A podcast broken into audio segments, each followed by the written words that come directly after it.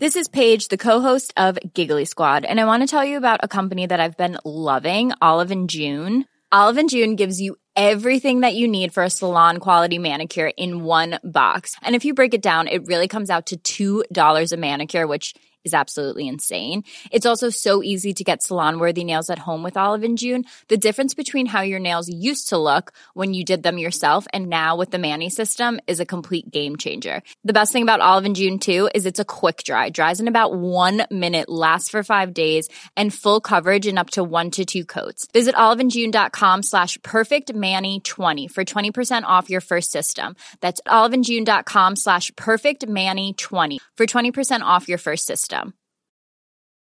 Mom deserves the best, and there's no better place to shop for Mother's Day than Whole Foods Market. They're your destination for unbeatable savings, from premium gifts to show-stopping flowers and irresistible desserts. Start by saving 33% with Prime on all body care and candles. Then get a 15-stem bunch of tulips for just $9.99 each with Prime. Round out Mom's menu with festive rosé, irresistible berry chantilly cake, and more special treats. Come celebrate Mother's Day at Whole Foods Market. Many of us have those stubborn pounds that seem impossible to lose, no matter how good we eat or how hard we work out. My solution is PlushCare. PlushCare is a leading telehealth provider with doctors who are there for you day and night to partner with you in your weight loss journey. They can prescribe FDA-approved weight loss medications like Wagovi and Zepbound for those who qualify. Plus, they accept most insurance plans. To get started, visit plushcare.com slash weight loss. That's plushcare.com slash weight loss. Er du klar for pod, Øystein? Jeg er kjempeklar for pod, kjære Jon Roar. Det er på tide med en ny episode av din favorittbilhobbypod, Scootspodden. Ja. Ja. Nå er det vel lenge siden vi spilte inn sist. Ja, det føles litt sånn. Vi har hatt mange interessante gjester, og det liker vi jo. Ja. Og så er vi jo alltid glad når trivelige trivelig Trøndelag får litt uh, taletid i uh, Scootspoden. Ja, Det begynner å bli rikelig med det nå, gjør ikke det? Ja, ikke nok. Ikke nok. Ikke nok? Nei, selvfølgelig ikke. Selvfølgelig ikke. Så får jeg jo ros for det at jeg uh, tar tilbake mer av dialekta mi sjøl når vi snakker med trøndere, og det er jo veldig hyggelig. Hæ, gjør du? Eller veldig trivelig, som vi ville ha sagt. Nei, vi kjører pod, da. ja, det er på tide. Kjør. Du lytter nå til Scootspodden, en norsk podkast om klassisk bil med Jon Roar og Øystein.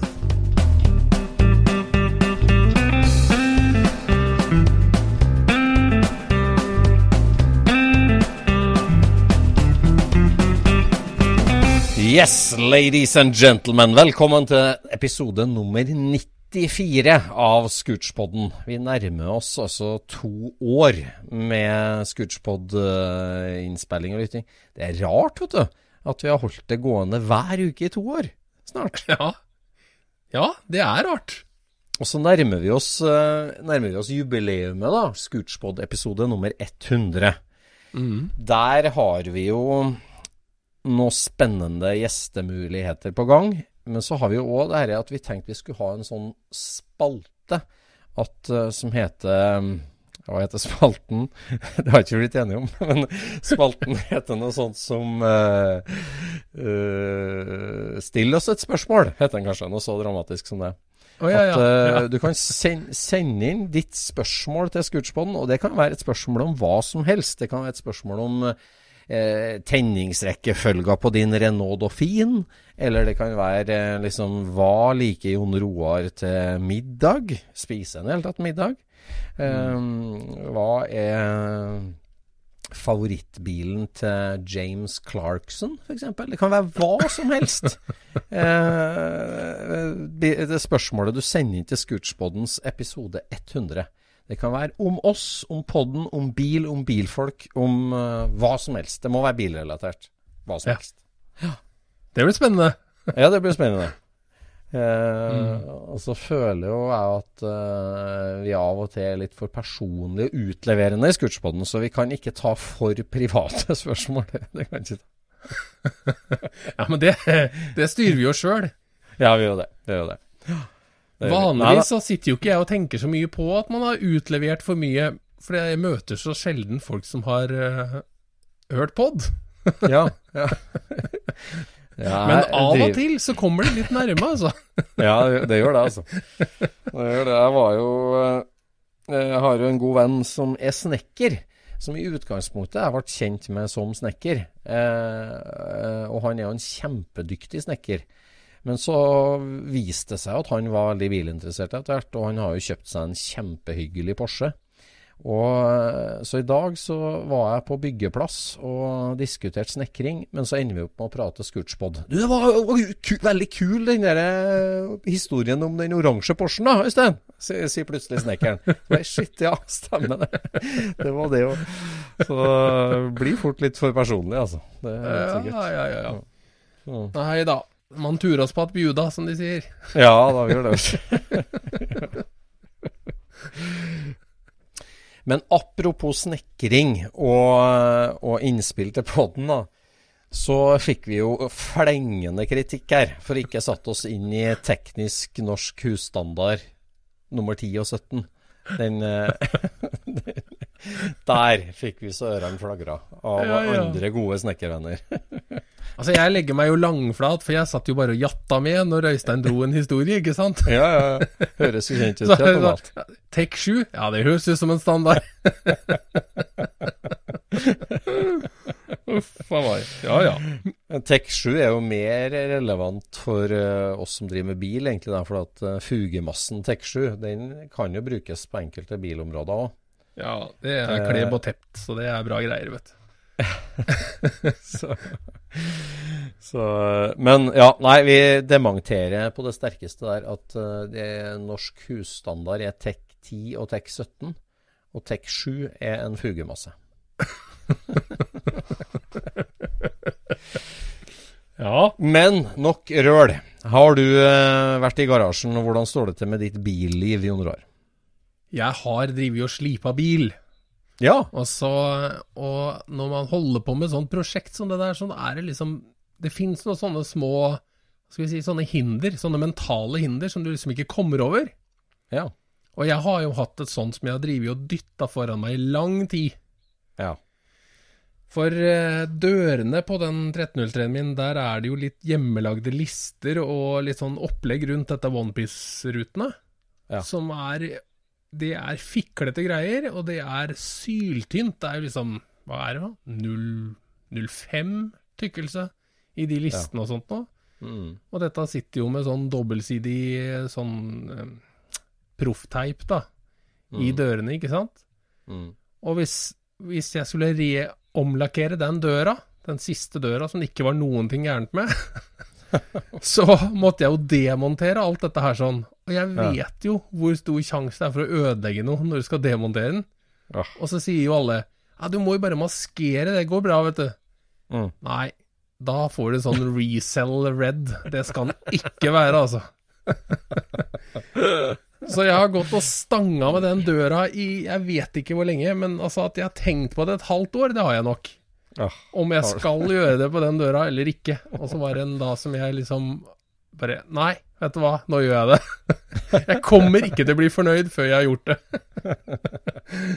ja, for du lakkerte den jo for et år siden, og da, Ja, da, lim, da limte du på de her tynne alulistene med en sånn superteip. Ja, ja. Så du vet at når du tar det av, så bøyer det. Jeg skjønner. Mm. Ja, altså nå klarte jeg det uten å bøye det, da, men altså bare den tanken på at det blir bøyd. Ja. Altså dette her er Dette er jo Ja, altså, ei list er jo en list, men dette her Ja. er jo en som er skjøta sånn at den går hele veien rundt ruta. Ja. Og bare det å lage den lista og få Atle Berg til å tigge den sammen, det er en Det er en eh, Ja, det er en terskel bare i seg sjøl. Og Ja, tanken på å ødelegge den fordi at idioten skal lakke den døra òg. Enda det ikke er noe gærent med den. ja, men den andre døra, da, var det noe galt med den, eller? Ja, den har jeg forandra litt på. Den har jeg gjort om litt på noen klaringer og sånt nå, så den måtte lakkes. Så det var, Ja, det var, det var helt greit. Det måtte bare gjøres. Det var derfor jeg visste hvor vanskelig det var å demontere det òg, ikke sant? Ja, jeg skjønner. Ja. Men den metodikken for å demontere den, den hadde du pønska på et halvår, da? Altså hvordan du skulle plukke fra den teipen? Eh, ja. ja da, for så vidt. Så, Men altså, det er brute force og olfakniv. Ja. herregud. Det er, Ja, sånn. men det gikk kjempebra. Det skjedde Ja. ingen verdens ting, så det blei eh, Ja. Jeg er fornøyd med det nå, da. Men, men altså, det kan jo holde igjen et prosjekt så lenge, vet du. At det går bare og tenker og tenker og tenker. I hvert fall så er jeg sånn, da. Jeg er ikke sånn. Kaster meg ikke over eh, sånne ting som jeg vet er en stor risiko, da. Men uh, til slutt så tok jeg tyren ved hornene, er det ikke det de sier? Ja, ja. Det der er jo et tema vi har tenkt vi skulle snakke om. Det der med liksom i et prosjekt at du har en sånn svær snublestein som, som du dytter foran deg, og du dytter en sideveis. Og så er det så rart med forskjellige typer bilhobbyfolk hva som blir den her snublesteinen. Ja. liksom, er du livredd for motoroverhaling, så danser du rundt den motorprosjektet lenge, lenge, lenge. Er du, er du livredd for å få støv i lakken, så blir jo bilen aldri lakkert. Nei. Så, Nei. så du har jo Det er jo helt forskjellig hva som er liksom den store turnoffen for, uh, Ja. på et prosjekt. da. Ja, for det der er jo en, det er jo en mental greie, egentlig. Altså, Ja. du, har, du har støtt på denne her sånn, og så kom det litt Du ble litt overrumpla når du fant dette problemet. Ja. Bare Hæ? Det her var jo ikke meninga at jeg skulle stå og kødde med en søndag, liksom. Nei, nei. Det her var jo ikke sånn det skulle være i hele tatt. og så bare Hm, hva skal jeg gjøre nå? Dette her har jeg jo aldri gjort før. jeg, vet, jeg vet ikke akkurat hvordan disse tinga utvikler seg, men, men det er noe med at du har litt respekt for det som er gjort, og det som skal gjøres. Ja. Og så Og når du andre ser det andre du har fått til, da, Mm. Så tenker de at herregud, det der stopper vel ikke deg? Nei. Men det kan det gjøre, altså. Det kan gjøre det. Og det, det, der er rart, altså. Hvordan forskjellige typer fungerer. Det er jo altså, Noen er jo liksom sånn at det, hvis du skal restaurere en veteranbil, da, og så støter du på noe som virkelig er ødelagt Altså grunnen til at den ble parkert på låven, kanskje. Det er Ja. det som virkelig gjorde at den var ødelagt. Du kommer Ja. til det bare Shit. Hva gjør jeg nå?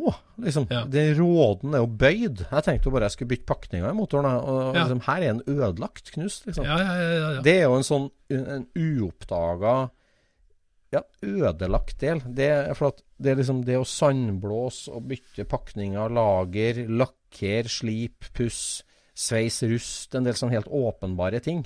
Men en sånn virkelig ødelagt ting, som er kanskje av og til veldig vanskelig å få tak i, og det er jo noe som kan stoppe et prosjekt, da.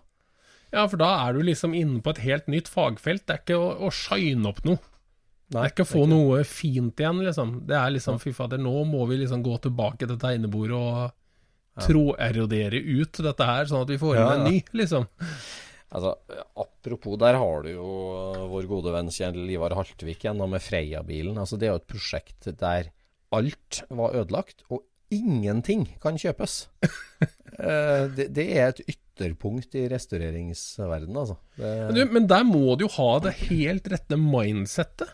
Altså, ja, det må hvis, hvis det var sånn at eh, ikke, altså, ingenting av det originale Renaulten skulle byttes ut, Mm. da hadde det vært umulig å komme i mål med det Ja, prosjektet, ikke sant? Ja, Nei, jeg skal bruke de originale røra i eh, radiatoren. Det Sånn. Ja. Det går ikke! Nei. ikke sant? Nei, det, det der eh, Og så er det òg liksom det der med hvordan du greier å fokusere på liksom, de, de små, vanskelige tingene, i stedet for å glede deg over de, de store de, de store tingene du får til og sånt òg. Og hvordan Mm. Ja, som du sier, hvor, hvorfor takler du ikke den ene knekte bolten når du har lakkert hele bilen og overalt hele motoren? Ja. Men det, er, det har jo med Det har jo med ditt kunnskapsnivå å gjøre, og en slags innstilling til ting. Mm. For jeg, jeg solgte jo 1303-en min fordi at det ene forhjulet skru- eh, subba i skjermen hele tida, ikke sant? Mm. Og jeg leverte den på verksted, for jeg var jo bare en ung kar, liksom. Jeg var jo 19 når jeg solgte den bilen. Mm. Eh, og de sa nei, det her kan vi ikke fikse. Det går ikke an å fikse dette her. Og jeg tenkte, de som står på verksted, de klarer ikke reparere det. Hvordan skal jeg klare å reparere dette her? Sånn, det har ikke nubbekjangs. Så jeg bare solgte bilen. Det, det her går ikke, liksom. Og så får jeg den tilbake igjen, og så skjønner jeg at det er de idiota i statene som laga senkesettet, som har bora ett høl feil. Så jeg fiksa den, jeg, jeg, jeg fiksa den jo på tre kvarter. Det som jeg aldri fiksa den gangen, ikke sant? Men det var jo fordi at det, nå har jeg jo et mindset som er sånn fysisk. At det, Mm. Det skulle vært sånn. Det er sånn. Differansen er fem millimeter. Da fikser vi det. Ja. Vi må bare gjøre om det. Det er ikke noe å gå rundt og ringe til Biltilsynet for å fikse det greiene der sånn. Altså, det er, det er demonter det, sveis det i hopet og bor og frese opp et nytt høl. Ja. ja. Jobben må gjøres. ja, altså, ja, det her er jo fysiske ting som må bare Disse atomene må reorganiseres til å bli sånn det skal være. Det er ødelagt, det må bli i orden. Mm. Det er ikke vits å prøve å finne ut eh, hvorfor det blei gærent.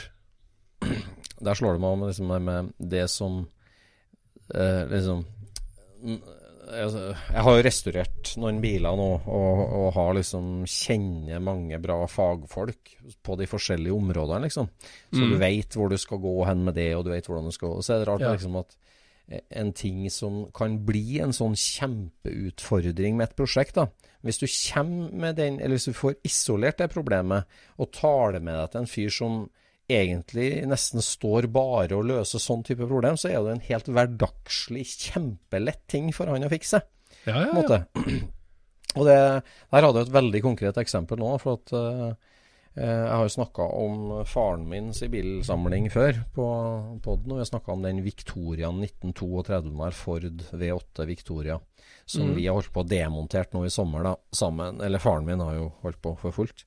Og han har, nå har vi løfta karosseriet av og, og fikk eh, ramma kledd av naken. Og så viser det seg at den har jo vært ut for en Kanskje er det en krasj, kanskje er det en um, veldig uvøren håndtering med traktor en gang de skulle dra den ut på åkeren for å dø, nærmest. Altså at de Ja. tjora fast noe kjetting og greier. Men i hvert fall så var den ganske kraftig Eller var bøyd, da. Rammevangen rett foran torpedoveggen. Ja. På passasjersida så til slutt var den 10-11 cm for høy. Og på Ja. førersida så var den 4-5 cm for høy. Og det er sånn ordentlig trekkspill der ved, ved torpedoveggen. Og der, det er liksom hvis du, hvis du plukker ned bilen da, og kommer ned til det der, så liksom OK, det her er jo et problem. Det her må Mm. jo bli rett. Ja. Og eh, sånn OK, punkt én, det, det er vanskelig å bøye de kraftige rammeskinnene. Liksom. Du må vite Mm. hvordan du skal varme og rekke ut og banke og trekkspill og sånn. Og så må du jo ha en ordentlig jigg da, for å det, det blir vanskelig å måle seg fram til det når ja, det er banan hele veien. da, Det Ja, ja, ja. Og det der blir jo liksom Fader, hva gjør vi med det der? Og så, og så måtte jeg sjekke litt med hotrod-vennene mine. Hvem har den beste 32 ramme-jiggen i Norge? eh, og det finnes jo to-tre sånne jigger i Norge, da. Og, og endte jo opp med hos den beste. Beste iggen og beste mannen på jobben, og 100 Ja. og sant, Kjem ned til han med, med ramma på henger, da. Og det var jo Det må jeg si en stor takk til Scootspod-lytter Terje K. Larsen, som hjalp meg med transport og mellomledd og ordning. Han er jo en unikum i kontaktnett. Og, og der, ikke sant, når du kommer ned til han med jiggen, da Mm. ikke sant? Så er det så, så, ikke sant? Naglehammer, eh, ligger klar, eh, og liksom du kan bore ut naglene til tverrbjelkene. Rett i iggen, alle høl, smekk, smekk, smekk, slide inn, ikke sant? Og du ser med en gang hvor feilen er. Du vet Ja. akkurat hvor mye du skal varme på en skinna for å strekke ut trekkspillet, og hvordan du skal banke for å bule ut der når det Ja. Det er en helt hverdagslig ting, for han, han har stått og retta mange titalls 32-rammer i Norge på sin egen jigg. Han kjenner rammene, kjenner jiggen. En helt hverdagslig ting. Som i det prosjektet var et kjempehinder, selvfølgelig. Ja. Så nå er det løst. Nå ligger ramma der. Spikrak, nynagla. Det er magisk, vet du. En sånn, en sånn jigg, det, det gjør at det går ja, Misforstå meg rett, da, men det går fra å være håndverk og magi til å være nesten matematikk. Ja, det gjør det. Og så er det sånn eh, Altså En sånn ordentlig bra rammegig, da, da, da blir det der problemet helt sånn binært. Sånn, ja, ja, ja. Sånn, Sånn, sånn. ja, Her skal den ned, her skal den opp, her skal den ut. Ikke sant? Ja, det er ja. sånn Ja, det er liksom sånn Du måler Nei, det er tre millimeter der, ja. Til, å, det går bra. Men her sånn Passe bolten inn? Klikk, klikk. Nei, den butter. Det, det, det, sånn, det, det, det er helt definitivt, da. Åh, så deilig. Ja, det er deilig. Så den kom tilbake her nå i går, og den er ja, spikerrak og kjempefin. Så nå gjelder det å finne en skånsom sandblåser. Og et uh, Det er rart altså hvordan jeg føler at jeg må inn i alt mulig. Nå må jeg liksom lese meg opp litt på nye blåsemedier, og så må jeg lese meg opp litt på gode lakktyper og Ja. grunningstyper. For det der forandrer seg stadig. Så føler jeg liksom du Altså, ja. Lytt erfarne fjellfolk, søk råd fra fagfolk. Du får så mye rare beskjeder. Det gjør du, Ja, altså. du gjør det. Du får alle beskjedene. Ja, du gjør det. Du må liksom lese deg opp på deg sjøl og sette deg inn i ting. Altså. Det må. Så. Ja, ellers, så må du, ellers så må du bygge en bil og se hvordan den utvikler seg. Og så hvis det ble bra, Ja. kjør på den. Ja. Nei, det var liksom det forrige prosjektet til faren min. og, Altså, for to prosjekt siden så lakkerte vi ramma med god epoksygrunning og chassislakk fra Forsvaret. En sånn svart halvmatt chassislakk fra Forsvaret. Ble dritbra. Lett å ha på, tørka fort. Virker bunnsolid, liksom. Og så var, var, var vi på en veldig velrenommert billakkspesialist og, og skulle ha chassislakk til prosjekt nummer to. Ja, du har fått sånn ny kjempebra maskinlakk som du ikke har grunning. Du sprøyter svart rett på stålet. Og da er det, ja. det er liksom ett Ja, det er kjempebra. Og så bare, nei, det var bare drit. Det tørka, tok lang tid før det tørka. Det chippa av kjempelett, og det var en fiasko. Men det var råd fra fagfolk i nyere tid, da. Ja. Så ja. Nei, det der er Det er mange, det er mange skoler der. Og du må liksom eh, Ja, hva skal jeg si? Det er så mange fjellfolk da som påstår seg å være erfarne, at mm. det, ja, det er vanskelig å velge riktig. Det er det. det, er det altså. Men um, Nei, jeg fikk et tips av, eh, av en, eh, en kunde på gasolin når, mm. som han har fulgt på alle sine biler. Mm. Så jeg gikk i hans fotspor og brukte gasolinprodukter i den rekkefølgen han mente, og Ja. den har holdt seg, så det Jeg sier takk til Arne. Ja, ja, ja. Nei, det ruller på med restaureringsprosjekt. Nå går det mot vinter, og jeg gleder meg til å gjøre ferdig. Jeg har jo dratt i gang er, eh, Erfarne Scootspod-lyttere husker jo eh, historien om eh, Blut-orangutangen, den oransje Porschen fra midt i Oslo. Så Ja, Hvis jeg klarer å huske så langt tilbake, ja. Ja, det er det, da. To uker. Mm. Ja. Så jeg tenker liksom den bilen det, Den hadde jo stått lenge, og det var jo småtteri å ordne på den. Og tenker at det skal bare få løst fort og med en gang. Så den har jeg da kjørt oppover til min absolutte favorittmekaniker i hele verden. Eh, min venn Geir Nattvik på Verdalen, som, eh, som nå holder på med den og får veldig kyndig behandling. Men, så det er så deilig, det. Det er jeg virkelig glad for. Eh, Ja. sånn- Da får du tatt litt, uh, rydda opp litt i, i, i det som var av grums, og så, og så får hun på Det skal ikke noe helrestaurering, det er bare noe flekking, er det ikke det? Bare flekking. Det er ja, bare en tune-up på motoren. Gå og bytte alle foringer i pedalsett, alle foringer i giroverføring. Eh, så er det jo litt smålakkering på karosseriet. Men så var det jo to områder som var litt rustangrepet. Og det er jo som det endte som det ofte gjør, som de sier i sangen, at uh, det er jo litt mer enn du trodde. Men det skal det er jeg snakke om. Det vil ikke jeg snakke om på poden, men uh, den blir kjempebra. Og den er kjempesolid. Det er jo ikke farlig å prate om dette her, Øystein, for at dette blir jo gjort ordentlig. Det blir gjort Vi snakker jo ikke om hønsenetting og glassfiber, liksom. Det er ikke, det er Nei, der vi er. Nei, det, er- det er utrolig. Altså, det, det er helt åpenbart på den bilen at den ene vinteren i eh, Oslo-slapset, det, det, det Mm. rakk å gjøre eh, overraskende mye skader, så det må jeg si. Så, Ja. Nå viste det seg at én framskjerm uh, har vært bytta på den før en gang, i, antageligvis i USA. Uh, oh, ja. vært, vært, bare hele skjermen har vært bytta. Kanskje har vært bulka, så det var ikke noe bulka og skada innerskjerm og sånn. Men den skjermen har vært eh, lakkert en gang før, og det var veldig dårlig gjort. Så den var veldig mye mer angrepet enn resten av bilen. da. Så, Ja, stemmer. Så jeg visste jo at den skjermen var dårlig, men at den var så dårlig det. Men heldigvis så var det bare skjermen, da. Ja, ja, ja. Nei, men det er jo bra. Mm. Men det var en Karman-bil, var det ikke det? Ja, hva man vil. De var vel ikke så fryktelig gode på, på rustbeskyttelse heller, de var i det, da? Nei. Er det ikke sånn at Karman-biler ruster litt mer enn andre? Ja, generelt er det jo det, men det er kanskje sånn i Porsche 911-verdenen òg, ja. Det, det skal jeg ikke si. Ja, men det, det er det. Det har jeg Ja, hørt. Eller om det er 9, altså 912 har jeg i hvert fall hørt om. Så Ja, det vil jeg tro at det var sånn. ganske likt. Ja. Mm. Nei da, det er Karman-bygd karosseri på den her, så det forklarer sikkert litt av det. Mm. Ja. Så nei da, det blir, det blir veldig bra. Så det, det gleder meg til. Jeg håper vi rekker å- at jeg skal kjøre en liten seinhøsttur nedover Østerdalen på, for egen maskin. At, uh... Hva hadde du med deg ned på hengeren, da? ah, to tonn med Detroit Iron. Eh, jeg har jo, har jo en eh, herlig 47 mile Packard som har snakka om før på poden. En uh, todørs fastback, en Super Clipper. Så det er en svær rekkeåtter. Gangstercaps. Originallakk. Ordentlig feit bil, altså. Og Ja. Jeg snakka om det i poden for akkurat et år siden, så prøvde jeg å kjøre den hjem, og kom jo bare til Levanger. Så jeg kom ikke så langt. Så nå tok jeg den på henger. Jeg lånte meg en enorm treaksla bilhenger og har kjørt to tonn med bil oppå. Og det, det var tungt, altså. Den skubba på nedover Østerdalen, det må jeg si.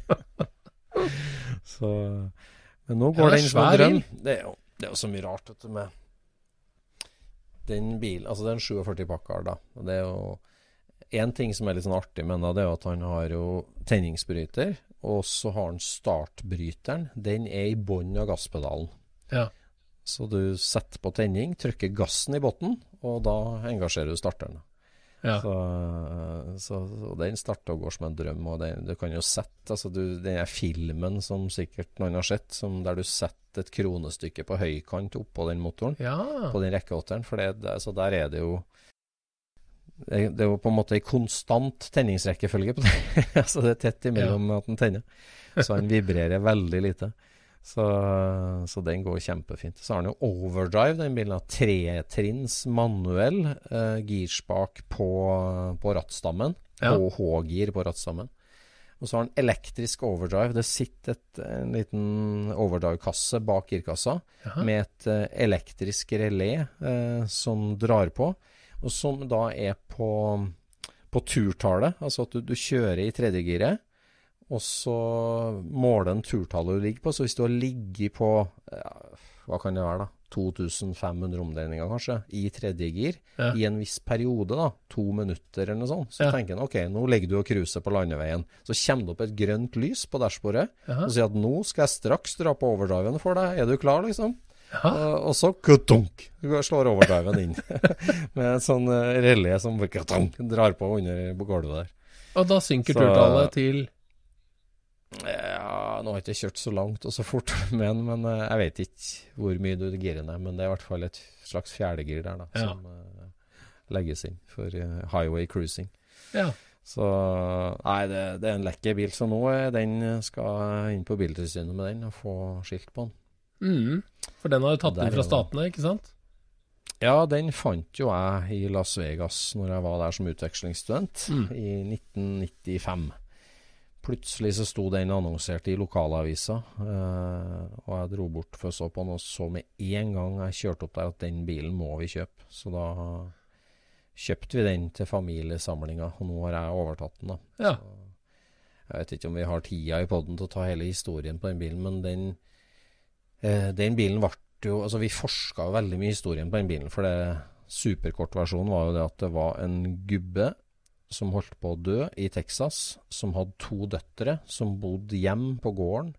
Eh, og han faren liksom tenkte at nå blir jeg så gammel at jeg dør snart. De her to døtrene må ha en ordentlig bil, så han kjøpte en splitter ny 47 Packard til dem, som Ja. de fikk av sin far. Og de brukte den fram til 1956, og så parkerte de den i en garasje i Abilene, Texas. Ja. Og der sto den i 30 år, eh, til ja, ca. 1990, da, når dem døde, og det var en litt fjern slektning av dem som arva den, og som eh, tok den med seg til Las Vegas og annonserte den i lokalavisa, og så Ja. kjøpte vi den.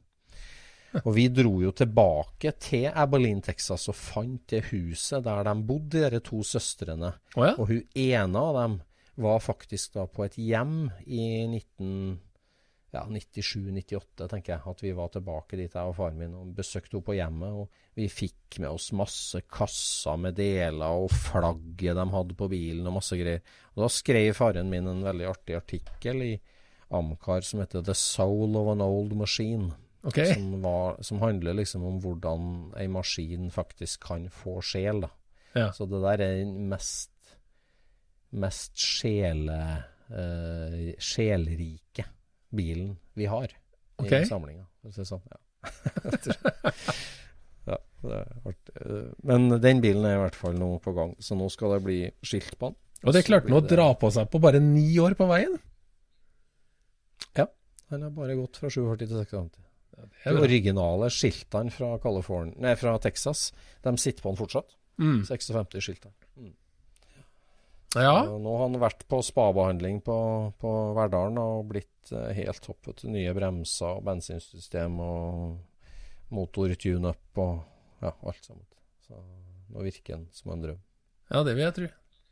Mm. Var det ikke et bilde av en sånn på norske eh, veteranbiler nå eh, de siste dagene? En cab i Oslo?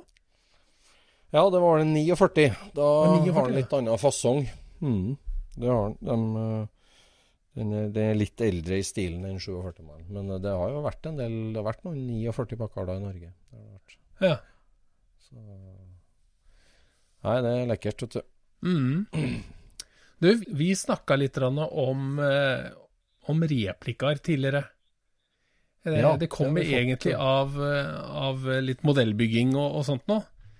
Mm. Um, og der, der kom det jo ut en Lamborghini Contouch for en stund siden. Lamborghini Eh. lagde jo sin egen rek rekreasjon av Contouchen, ikke sant? Jaha. Men i de siste ukene her sånn, så har det florert noen gule biler av den første Contouchen. Den prototypen. Ja. Og det har, første gang jeg så de bildene, så trodde jeg det her var en sånn litt sånn halvbra rendring. Av den første. For jeg syns det var litt sånn Jeg så at bildene var bedre enn de gamle bildene, men det var fortsatt litt sånn Ser ikke helt ekte ut. Ja.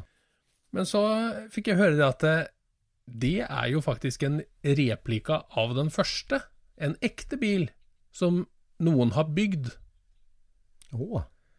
Det Ikke er, Lamborghini sjøl, altså. Men det er noen andre som har bygd den.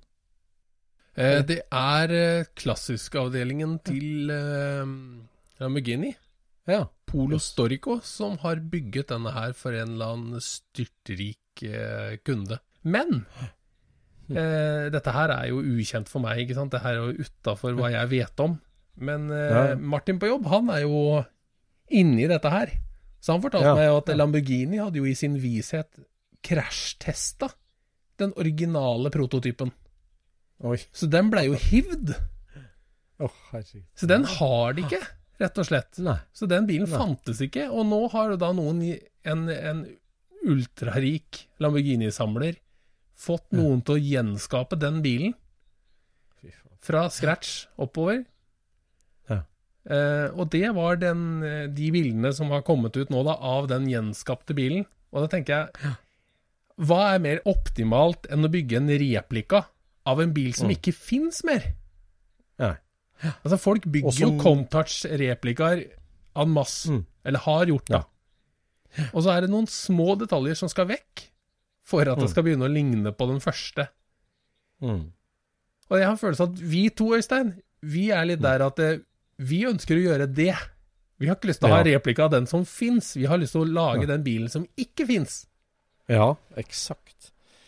Og det er så viktig, ja, akkurat det du sier der. Altså, hvorfor i verden er det ikke flere hotrod og custom-folk som gjør det, og replikasettprodusenter for den del, som, eh, som gjør akkurat det? At du, du, du går etter noe som, som burde, burde finnes, men som Ja. ikke fins. Ja. Det Altså, jeg Ja. elsker jo de, de biltegnerne som tegner de bilene som du tenker Ja, hvorfor fins ikke den? Hvorfor Mm. finnes ikke den? Og så er det Mm. noen da som står og bruker tusenvis av timer på å skape en som du faktisk finner. mm. Men så er det liksom De små endringene her gjør at du får den som ikke fins. Og hvis du har liksom en god designer der og en god tanke, så, så blir det så bra, liksom. Det blir så gøy. Mm. Ja, det der er, det er rart, og det, ja, og det er mange Vi har snakka mye om det der. Altså for, eksempel, noe av type 3 Karmangia, som mange av oss kjenner til. Mm. Eh, type 3 Karmangia, som var designa av Johannes Beskow, da, faktisk. Der det ble lagd noen få kabrioleter. Og etterpå nå så er det jo mange som har skåret taket av sin kupé Mm. og lagd en slags replika av kabrioleten, for de mm. ønsker seg det. Mm. Men så finnes det jo skisser av dritkule stasjonsvogner, Ja. eller sånn shooting break-versjoner av den, f.eks. Ja. Hvorfor i huleste ingen som bygger den, da? Det, Ja, det det finnes ikke, og den burde funtes. ja, Det- det er jeg helt enig i. Og der fins det... jo, jo tegninger, der fins jo tankene. Ja. Jeg, jeg syns liksom at eh, Hvis det finnes en kul bil, altså Mm. som er en ikonisk bil, finn de første tegningene av den, så Mm, finner du ut ja. hva du skal lage replikkene av. Ja, ja, det det. Altså for at før blåskjortene kom inn, så var bilen råere. Sånn var det bare. Ja, så var det. Det er bare så enkelt som det. Det er så enkelt som det. Det er så enkelt som det. Veldig Nei, ofte, i hvert fall. Men uh, la oss ta det, da. Hvis du nå fikk, ikke fikk ubegrensa midler, men hvis du, hvis du nå virkelig skulle gjøre alvor av å, å bygge en bil sånn halvveis fra scratch, eller eh, bruke et replikk av karosseri i utgangspunkt, eller et eller annet uh, Beskriv ett prosjekt du ville gjort, da. Johnny Fox. Jeg har må jeg jo bare beskrive hva jeg ser. Jeg ser tenker med Jon Roar. Han ser opp i taket og leter etter svar på livet. Hva finner han i kvistpanelet i dag? En, en bil du har i hodet nå. Nei, En ting som jeg syns hadde vært, eh, hadde vært kult, da, det hadde Mhm. vært en, eh, en Puma med Porsche 6-er i. Ja. Mm. Det er jo en veldig kul bil i utgangspunktet, men også bygd den i, i stål, da, eller i aluminium, og så gjort den Den er litt sånn billig i noen detaljer, Mm.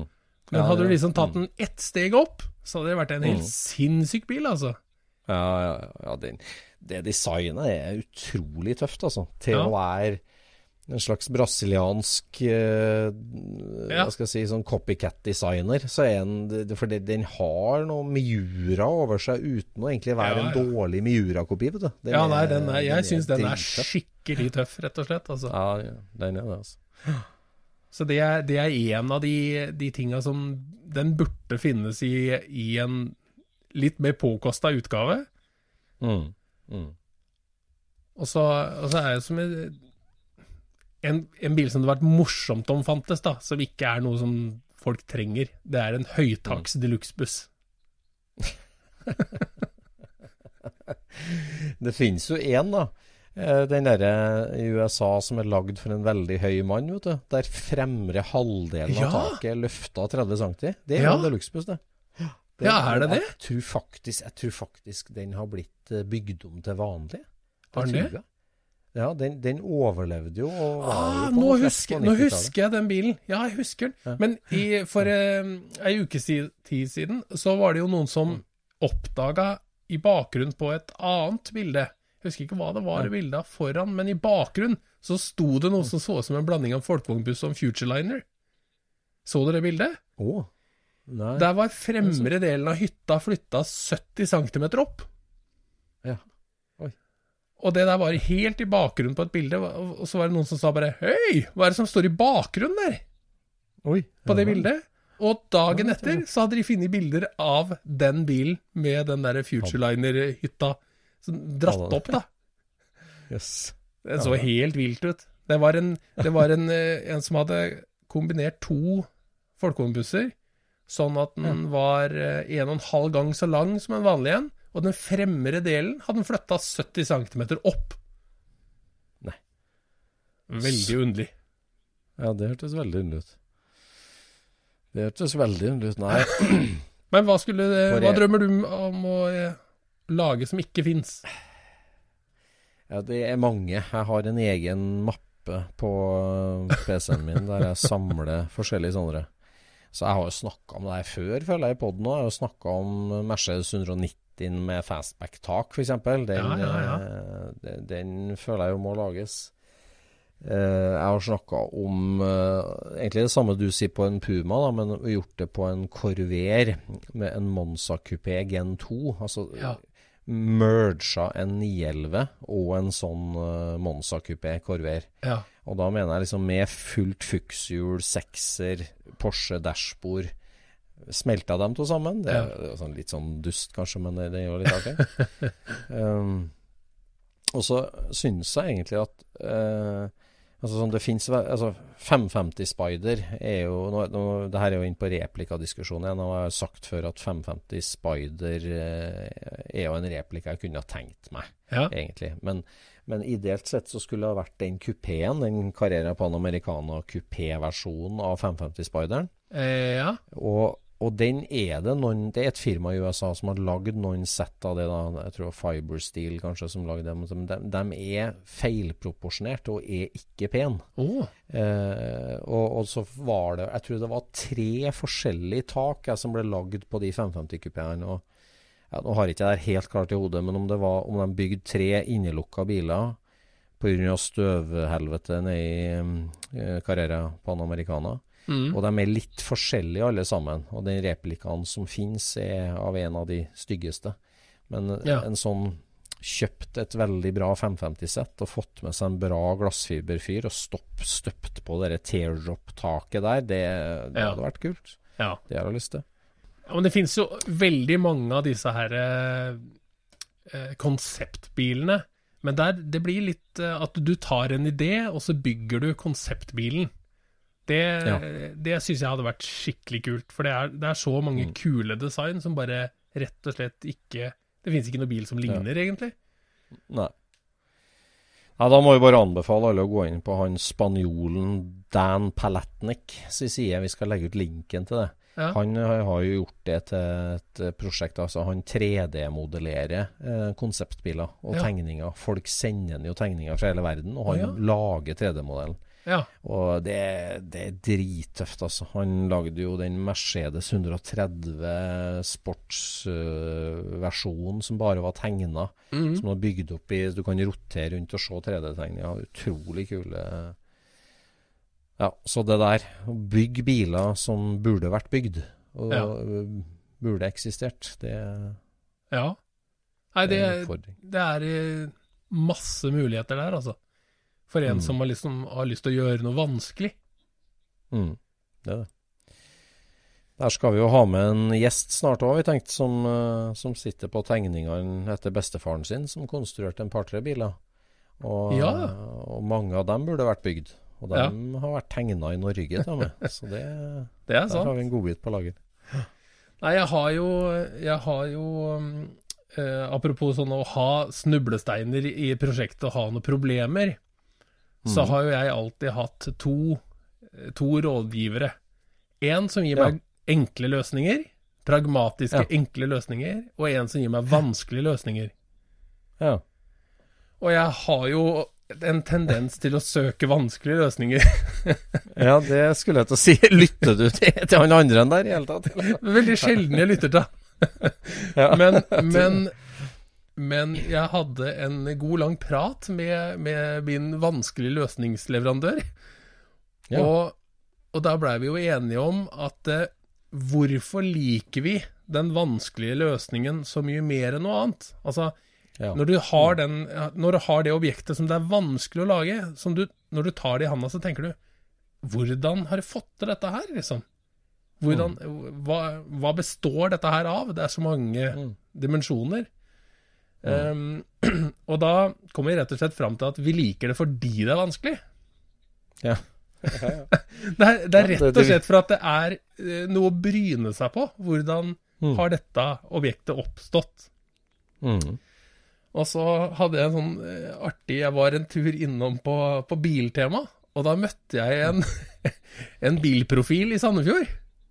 Jaha. Mm. Og så sier han at eh, du, jeg har akkurat eh, brukt to dager på å lage en, en brakett for å holde driftebrekket til sønnen min. Ja. Og det var liksom hølbora og tyggsveisa på noen kanter og masse greier. og så hadde han vært og snakka med min vanskeligløsningsmann. Og da hadde han Ja. jo fortalt det, Jon Roar sa jo det her om dagen, at vi gjør det jo for at det er vanskelig ja. ja. ja, og han håndbrekkbraketten var enig i det, da? At ja, ja, ja. Det var, ja, det var jo liksom akkurat derfor at han gjorde det. At han hadde brukt to ja. dager på noe som hadde liksom gått på to timer ellers. det er mest moro når det er vanskelig. ja, ja. ja, det er sant. Det er sant. Men man må ha, det, ha balanse i det der, altså. Det er dømt å ha, det så det kommer noen vei. 2017. Det er jo samme med, med altså på bilsamlingsfronten òg, da. Det, med, altså, det er jo stas å få tak i den bilene som det er vanskeligst å få tak i. Ja. Det, er jo, det, er jo, det, er jo, alltid mer stas. det, ja. føler jeg. Eller den vanskelige historien. Den historien ja, som ikke alle har, ikke sant? Ja, ja ja, og sjeldne ekstrautstyret, f.eks. Det rattet der, og fy fader, det. eh, Det er jo ikke for at det er så mye penere enn et vanlig annet ratt, Nei, men det er for at det er veldig vanskelig å få tak i det. det at da er det stas. Ja. Det er sjelden du ser det. Apropos det, så, så skaffa jo du deg vanskelige felger. Ja, det gjorde jeg. Det stemmer, ja. Det, det gjorde jeg. Jeg skaffa meg vanskelige felger. Og det der er veldig snodig. At det, den som har funnet det dritsjeldne rattet, Mm. han veit at det er vanskelig. Mm. Og så selv setter han det på en bil, og så selger han det til noen annen. Og så skjønner ikke han som kjøper bilen, at eh, 30 000 av prisen på den bilen er det rattet. Ja. Så han bare 'Dette rattet er jo dritstygt'. Så kjemperart. Så jeg, så jeg Jeg selger tar det det av og for henger 1500 det på kroner, liksom. garasjeveggen. Ja. ja, ja. Altså, det er, altså, hvis vanskelighetsgraden forsvinner Det følger ikke objektet. Mm. Det følger jo mennesket som veit hvor vanskelig det var. ja, det gjør det. Det er akkurat det. Så det. Du må bære historien. Du må ikke levere over bare objektet, men du må levere over den historien. du har nødt til å fortelle historien. Og det der er jo den der evige vitsen, ikke sant, med det der at eh, mitt mareritt er at kona mi selger tinga mine fordi jeg Ja. sa det hadde kosta. det er den evige vitsen. Så det Ja. må man skrive ned til kona, hvor vanskelig alle Ja. disse tinga er. Det der eh, ja, Det her må vi sette på lista til en Bjørn Rokseth, da, men det der er jo en ting vi skal lage en egen pod om. Det med liksom det der med det å reindyrke og raffinere den historiefortellinga. Altså hvorfor er egentlig bilene og rattet og tingene Det er jo egentlig bare eh, kulisser for den liksom den, det, historien. Det, de bare er med å fortelle Altså, Noen av oss bilentusiaster tenker på det sånn at det er ikke bare at det er en 66 Amazon, det er historien til den Amazon. Og, Ja. og, det, og det der med å Altså, vi kjenner jo folk som tar det der til et nytt nivå. Altså liksom når du, når du designer bilen for å passe til, til en, en nærmest fiktiv historie. Fordi at du skjønner det at gleden for bilfolk, det er jo den der unike historien. Ja, ja, ja. Liksom, ja. Enn om du starter med den unike historien, da. Nettopp. Og så lager du teaterstykket og kjøper inn kulissene Ja. til å passe til storylinen din, liksom. Ja. Det, der er jo, det er jo egentlig som tema for en film, ikke sant? Du kan ta en klassisk problemstilling, en, en klassisk oppbygning av et problem blant mennesker, Mm. og så kan du sette det i hvilket som helst miljø. Mm. Og det der kan du gjøre med bil òg. Du kan liksom få fram Mm. eh, Du kan bygge en historie, og du kan bruke hvilken som helst bil som utgangspunkt. Omtrent. Mm. Men du må Ja, bare anpasse historien til å passe. Så det er liksom Mm. å bygge et narrativ, ikke sant? Ja, ja, ja, bygge et narrativ. Og det er klart at uh, vi er jo ikke vant til Altså sånn Bilhobbyen sånn som vi kjenner den, er jo mer sånn faktabasert. Ja, At liksom, Oi, han var heldig å komme over en bil som har en spennende historie. Yes. Og den må vi fortelle. Og du har plakaten på biltreffet, og bilde av første eieren, og håndveska til første kjerringa. Liksom litt sånn Oi, det her er jo en greie. Men det fins bilentusiaster som starter akkurat med det som du sier, altså storyboarden. Liksom, Ja. Hva er alle ingrediensene som skal inn i en historie som en, eh, en bilentusiast virkelig fenges av? Ja. Jo, liksom, det må være avglemt og støva ned. Det må være Finnen før alle andre. Det Ja. må være supersjeldent ekstrautstyr. Spekken må være sånn- Det er en del sånn triggerpunkt. Ja. Og si, hva med å starte med det, da? Og så bare liksom- designe objektene? ja, eller så finner du en historie som alle har hørt, men som ikke nødvendigvis er helt sann. Ikke sant? Altså, sånn som han som hoppa over eh, elva i strømmen, ikke sant? Ja, ja. Det er, det er jo en kar som påstås ha gjort det. Hva da, elva i strømmen? Ja, du mener det hopp til Canada til USA? Nei, nei, i Lillestrøm. Ja. Det er en kar som hoppa, eller prøvde å hoppe over elva i Lillestrøm. Aha. Ja, det er en historie. Ja. Ja, ok, jeg har Eh, ikke hørt den historien. da. Nei, vi, vi må Det har jo ikke noe med bil å gjøre, så jeg har ikke hørt det. Ja, og det har noe med bil å gjøre, for han gjorde det med bil. Oi, med bil? Ja, han gjorde det med bil, og så krasja han og masse greier. Men, men ikke sant, hadde du, hadde du liksom bare tatt den historien, og tatt en bil à la det som han eh, skal ha brukt, og Ja. gjort om historien at han klarte å lande på andre sida, Ja, ja, ja.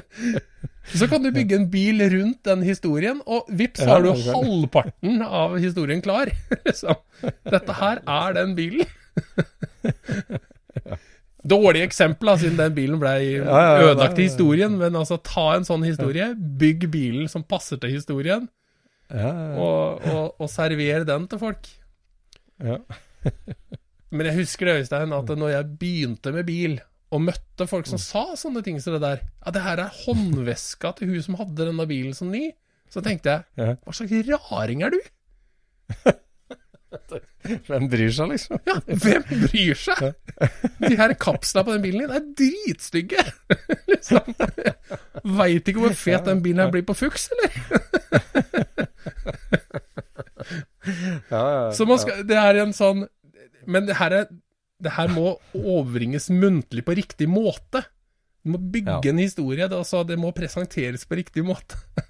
ja, ja, det må det. For, for, for det er liksom Se hvor utrolig det er at denne bilen har overlevd. Det er liksom der historien må begynne. Og så kan du Ja, bygge det historien etter det.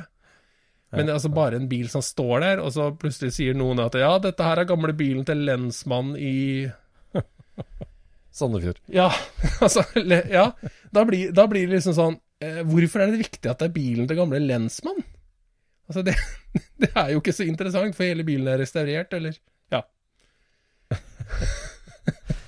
Ja. Nei, det er Nei, så jeg, jeg sier bare det at jeg ser begge sider av saken. Jeg gjør det. Ja, ja, ja jeg er enig. Og det, det, vi, vi snakker jo som Og der må vi igjen dementere i Scootspoden at vi snakker jo som om at det er liksom historien som betyr mest. Det altså, historien betyr mye for oss, men det er, det er jo full respekt for dem som ikke bryr seg om det, og som bryr seg om teknikken og objektet i seg sjøl, og for all del. Det, det gjør jeg jo, det. Altså, det, det må jo alle skjønne, at vi er to kompiser som sitter og prater om bil. Det, det vi sier er verken lov, regler eller, eller mandater. Altså, det her er bare hva vi to Mm. mener. Og vi prøver å forsvare våre meninger. Det er det vi driver Ja, er med det, i denne poden. det, det ja. det er sant, ja. Vi forklarer våre valg. Det er det vi Ja. driver med. Ja, det der er rart, altså. Hvordan du bygger rasjonale rundt valget du tar. Det, Ja. det, det der skal Ja, det der er pussig. Hvordan du sier at jeg må, jo, jeg må jo ha den fordi at det er logisk sånn og sånn. Ja, ellers av nyheter på bil, eh, bilsida nå siste ukene her, Jon Roar.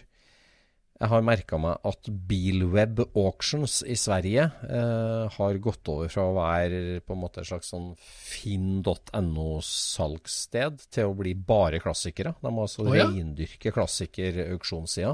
Ja. Det der er jo i ferd med å ta helt av. De, de kjører jo bortimot en auksjon i måneden med bare klassikerbiler. ja. Det er den honningbarndåren her nå, er det ikke det?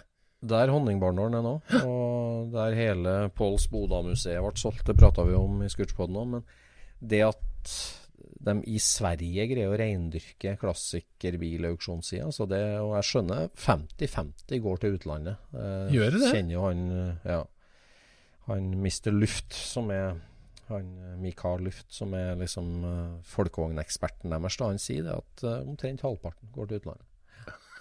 Så, Heter han det? det? Ja, han heter Mikael Luft. Alle ting. Så uh, han uh, sier det, og det er uh, Ja, den der brain drain på klassikere i Sverige, den fortsetter. For å si det sånn. Det gjør den. Ja. ja. Så, Altså, det, så er, det er vel at, eh, egentlig greit, er det ikke det, da? At eh, de som vil ha bilen, har den. ja. På et, på, på et sett og vis. Ja. Nei, jeg syns jo at den debatten som har vært toucha litt på inn på, på norske sider i siste her, med, altså, i, sant, i Norge så er det eksportforbud. eh, eller du må ha eksporttillatelse for alt som har vært i Norge før 1951. Ja. Um, så skal du eksportere noe her, så må du søke om det. Og nå har jeg faktisk da hørt om ett eksempel som har fått avslag. Eh, det, er, det det første jeg har hørt om på 20 år siden det har vært innført. Så er det én bil som de sa nei, den får du ikke eksportere. Ok, hva var det? Eh, nei, det tror ikke jeg vi kan snakke om egentlig på den. for han- BL 50 000? eieren, eh, Var det BL 50 000? Han eieren ville nok ikke eh, ha på byen at han hadde tenkt å eksportere den. Ja, nei. Så, så eh, det tror ikke jeg vi kan snakke om akkurat det. Men eh, det vi skulle si, jeg skulle si om det, da, at den debatten er at liksom, OK, du har et filter som håndterer noen sånn superspesielle biler, som fanger opp superspesielle biler. da. Ja. Kongens eh, biler og litt sånt, ikke sant? Mm. Men, men hvis du drar på et gjennomsnittlig veteranbiltreff i Norge i dag, så er det veldig mye Packard og, og spennende Cadillacer og eksotiske Mustang-varianter og, og ting som aldri var i Norge. Så, mm. Og det er jo ingen som stopper eksporten av en Amazon eller en Renault Dauphine. Da, så så, så du, der du har et filter som skal ta hånd om en del ting, da, så mister du jo den ekte norske bilkulturen og bilfaunaen. Jo, men hvis noen skal stoppe det her, da er det av norsk historie, ikke fordi det er en sjelden bil. Det er bare pga. norsk historie. Ja, Eh, så eller eh, Ja, det er bare pga. norsk historie. Det er jo det. Mm. Det at de blir stoppa. Mm. Så du kan eksportere en hvilken som helst Kord, men ikke den til Sonja Hennie, for å si det sånn. Jeg vet ikke om det er så mye andre korder i Norge, egentlig. Er- Nei, nei, men altså dårlig eksempel, da. Men altså det er, bare, det er ikke det at det er en sjelden bil som gjør at den ikke kan eksporteres. Nei, det er jo Det, det er jeg vet, jeg vet ikke, ærlig talt, om man ville lagt til grunn at uh, den her har ikke så veldig spennende historie, men det er én en av to i hele verden, og det at vi har den i Norge er så spesielt at den må bli her. Det, oh, ja, sånn, ja. det kunne ha vært en versjon sånn, òg, Men uh, jeg, jeg kjenner, det er ikke noe åpen bok, det der der. Men um, Ja, Er det historikere som sitter og bedømmer dette, eller er det bilentusiaster? Det er Norsk Teknisk Museum som sitter og bedømmer alle sivile biler, og så er det Forsvarsmuseet som eh, behandler alle militærbileksportsøknader. Det er det man kaller et ikke-svar. Mm, ja, men nei, svaret er at det er ikke bilfolk. Eh, Det er Nei. altså han som er hva heter kurator, eller hva heter det på Teknisk Museum.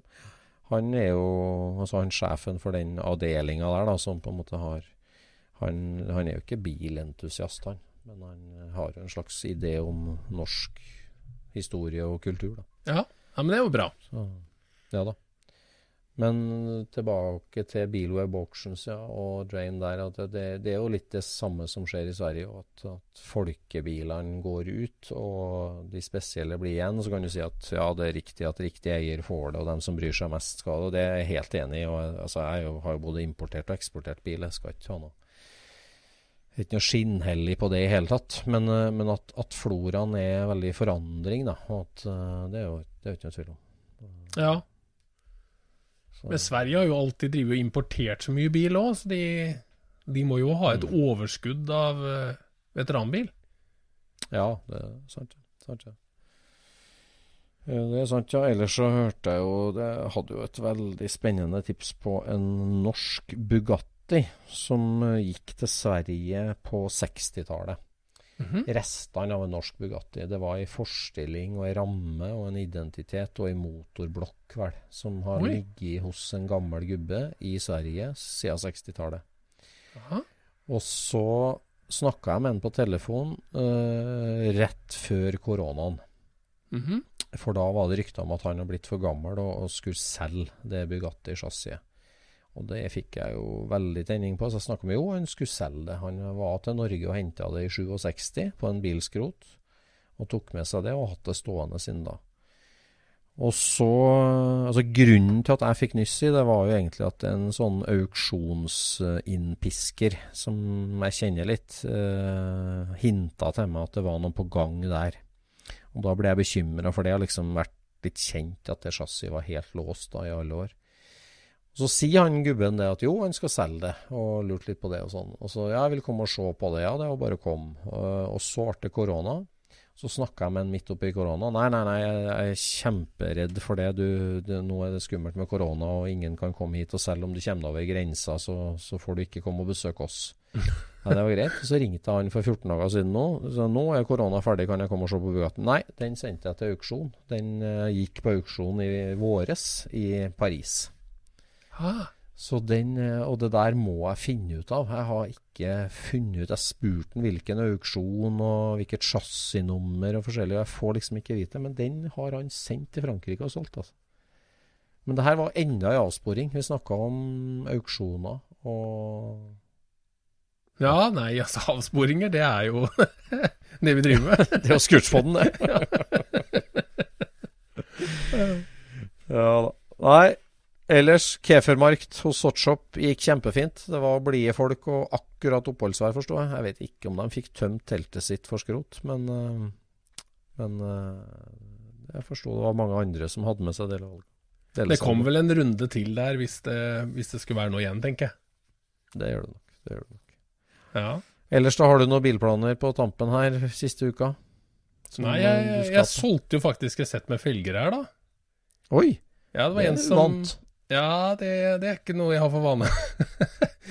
Men hvis noe skal inn, så må noe ut, og så videre. Ja, det er noe. Så, mm, og så var det eh, en som hadde kjøpt seg en utrolig tøff Baia. Som Ja. etterlyste Som trang noen felger. Og den var sånn så jeg. 70-tallsstil på den, med disse her eh, guloransje stripene bortover sida og så oppover taket og sånt noe. Ja, Og jeg bare Den der fortjener noen Niepe Slåttmags. Så da, så da ga jeg henne et, eh, eh, et bilde og en, en pris, og så hadde han da masse dårlige kompiser som sa at de må du kjøpe. Så kult. Ja. Så han var akkurat her, eh, Thomas var akkurat her nå og henta de. Og ja. det kommer nok til å bli skikkelig tøft, det tror jeg. Det blir dritt. SSC 2022. Bare gjør seg klar. Ja. Nei, det der Ja. kommer til å bli bra, altså. Det, Det bra, det, det tar det over toppen, for å si det sånn. Ja, herlig. Det blir en intens Tamia-feeling. Ja. det liker vi. Ja. Yes. Scootspoddens episode nummer 94 er ved veis ende. Mm. Vi takker deg som lytter for at du har hengt med oss gjennom 94 episoder. Vi går for 94 nye. La det ikke være noe tvil om det. Og husk på at hvis du liker Scootspodden, så tips en venn. Enten han er snekker eller Tech7-bruker eller Tech10-interessert. så er han helt sikkert også interessert i Scootspodden. ja. Og så må du huske oss å sende spørsmål, da, som vi har til episode 100. Ja, episode 100. Mm. Vi svarer på lytterspørsmål. Samme hva. Samme hva Ja, mm. Ok. Ja, men vi snakkes.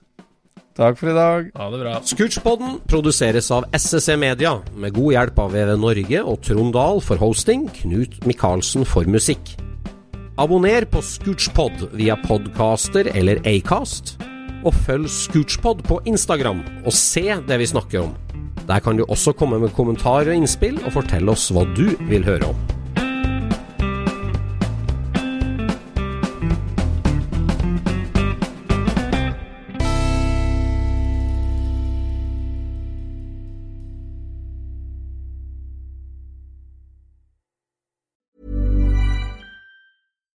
Deserves the best, and there's no better place to shop for Mother's Day than Whole Foods Market. They're your destination for unbeatable savings, from premium gifts to show-stopping flowers and irresistible desserts. Start by saving 33% with Prime on all body care and candles. Then get a 15-stem bunch of tulips for just $9.99 each with Prime. Round out Mom's menu with festive rosé, irresistible berry chantilly cake, and more special treats. Come celebrate Mother's Day at Whole Foods Market.